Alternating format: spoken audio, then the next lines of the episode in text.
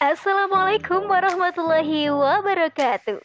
Senang sekali saya Dewi Fitriana kembali membersamai sahabat narasi pos semua.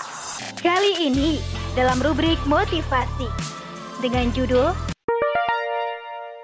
Kendaraan ke Surga oleh Anda Nazaha.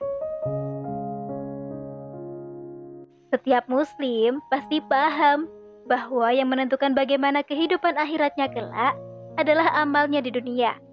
Jika amal kebaikannya lebih dominan, maka tempat kembalinya adalah surga. Namun, jika semasa di dunia dia berbuat keburukan dan kemaksiatan sepanjang usia, tempat kembalinya adalah neraka.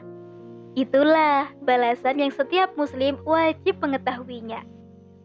Amal perbuatan manusia merupakan kendaraan yang akan membawa seseorang ke tempat tujuannya. Jika di dunia kita tidak mempersiapkannya dengan baik, maka jangan harap bisa sampai ke tujuan yang kita cita. Baliknya, kendaraan yang buruk akan membawa kita ke tempat yang buruk pula. Neraka jahanam yang dibenci setiap hamba. Karena itulah sob, mempersiapkan bekal demi bisa mendapatkan tiket duduk di kendaraan yang baik dan bisa memuluskan jalan ke surga haruslah direncanakan sejak dari sekarang. Di masa kinilah kita wajib merencanakan segala sesuatu sesuai dengan misi tujuan tempat mana yang akan kita singgahi di kehidupan yang abadi nantinya. Apakah yang kita tuju itu adalah surganya atau di nerakanya? Semua itu haruslah kita pikirkan sungguh-sungguh dari sekarang. Benar, tidak ada manusia yang inginkan hidupnya berakhir bencana, berada di tempat terburuk penuh siksa, berada di jahanam yang dibencinya. Semua orang pasti inginkan hidupnya dipenuhi kebaikan, ya kan? Baik di dunia maupun di akhiratnya. Namun sob, berada di tempat terbaik itu tidak gratis. Bisa diberikan begitu saja hanya karena kita menginginkannya. Semua perlu proses, perjuangan, serta pengorbanan. Keriduan kita untuk diatur oleh syariat Islam dengan penuh ketaatan dan ketakwaan kita tunduk pada setiap perintah dan larangan Allah Subhanahu wa taala. Ini memerlukan tekad dan komitmen yang tidak sebentar. Terlebih, komitmen pada Islam dan syariat Allah bukan sekedar pengakuan. Dibutuhkan sikap tunduk dan patuh terhadap segala yang Allah perintahkan. Hal ini tercermin dalam tingkah laku dan perbuatan perbuatan yang soleh, memenuhi kriteria ahsanul amal, yakni perbuatan yang didasari niat ikhlas karena Allah semata, dilakukan dengan penuh ridho, tidak menyalahi syariatnya. Inilah amalan kebajikan yang akan Allah balas dengan kebaikan pula. Barang siapa mengerjakan kebajikan, baik laki-laki maupun perempuan, dalam keadaan beriman, maka pasti akan kami berikan kepadanya kehidupan yang baik dan akan kami beri balasan dengan pahala yang lebih baik dari apa yang telah mereka kerjakan. Quran Surat An-Nahl ayat 97 Karenanya, berbuat baik saja tidaklah cukup jika tidak memenuhi dua kriteria, yakni niat dan ikhlas dengan cara yang benar. Melakukan amal soleh tapi tidak diniatkan karena Allah, melainkan demi mencari muka, demi terlihat soleh, demi memuluskan niat bulus, dan lain-lain, maka tidak tergolong amalan yang akan diterima oleh Allah Subhanahu wa taala.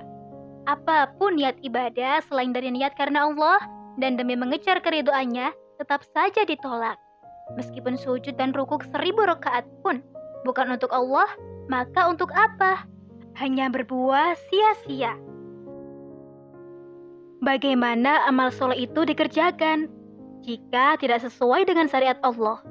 Maka bukankah sama saja kita mengada-ngada? Melakukan ibadah yang bertentangan dengan nasara, lantas membiasakannya, tergiskan ditiru orang lain. Sudahlah kita tersesat, menyesatkan orang pula.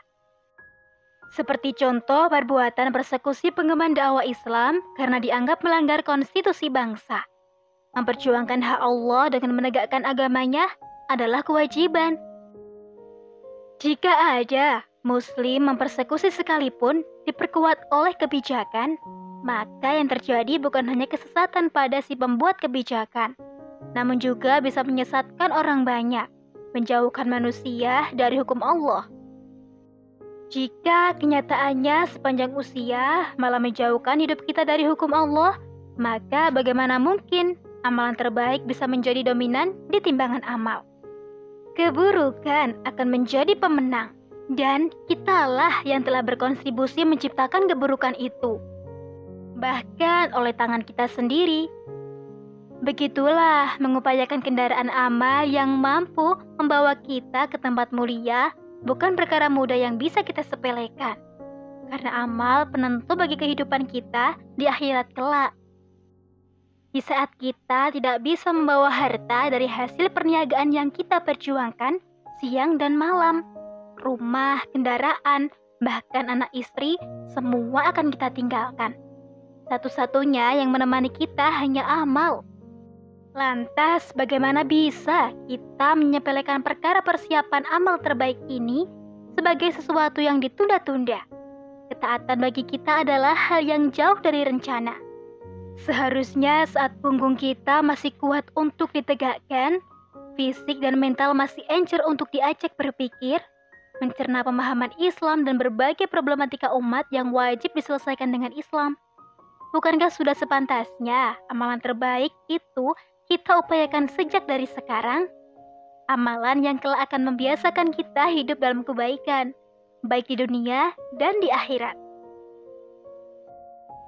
Karena tujuan hidup bukan dibentuk saat usia senja, apalagi jika sudah dalam keadaan rentah. Jika niat mengumpulkan amal dilakukan di usia tua, ditakutkan malah sebaliknya akan semakin menjadi-jadi kecintaannya pada dunia. Selain produktivitas berpikir menurun, belajar Islam akan lebih sulit, apalagi dalam membiasakan taat karena sudah terbiasa dalam kubangan maksiat. Karenanya, yuk kita perbaiki kendaraan amal kita dari sekarang. Apa-apa bagian yang kurang dan pincang, kita betulkan dari sekarang.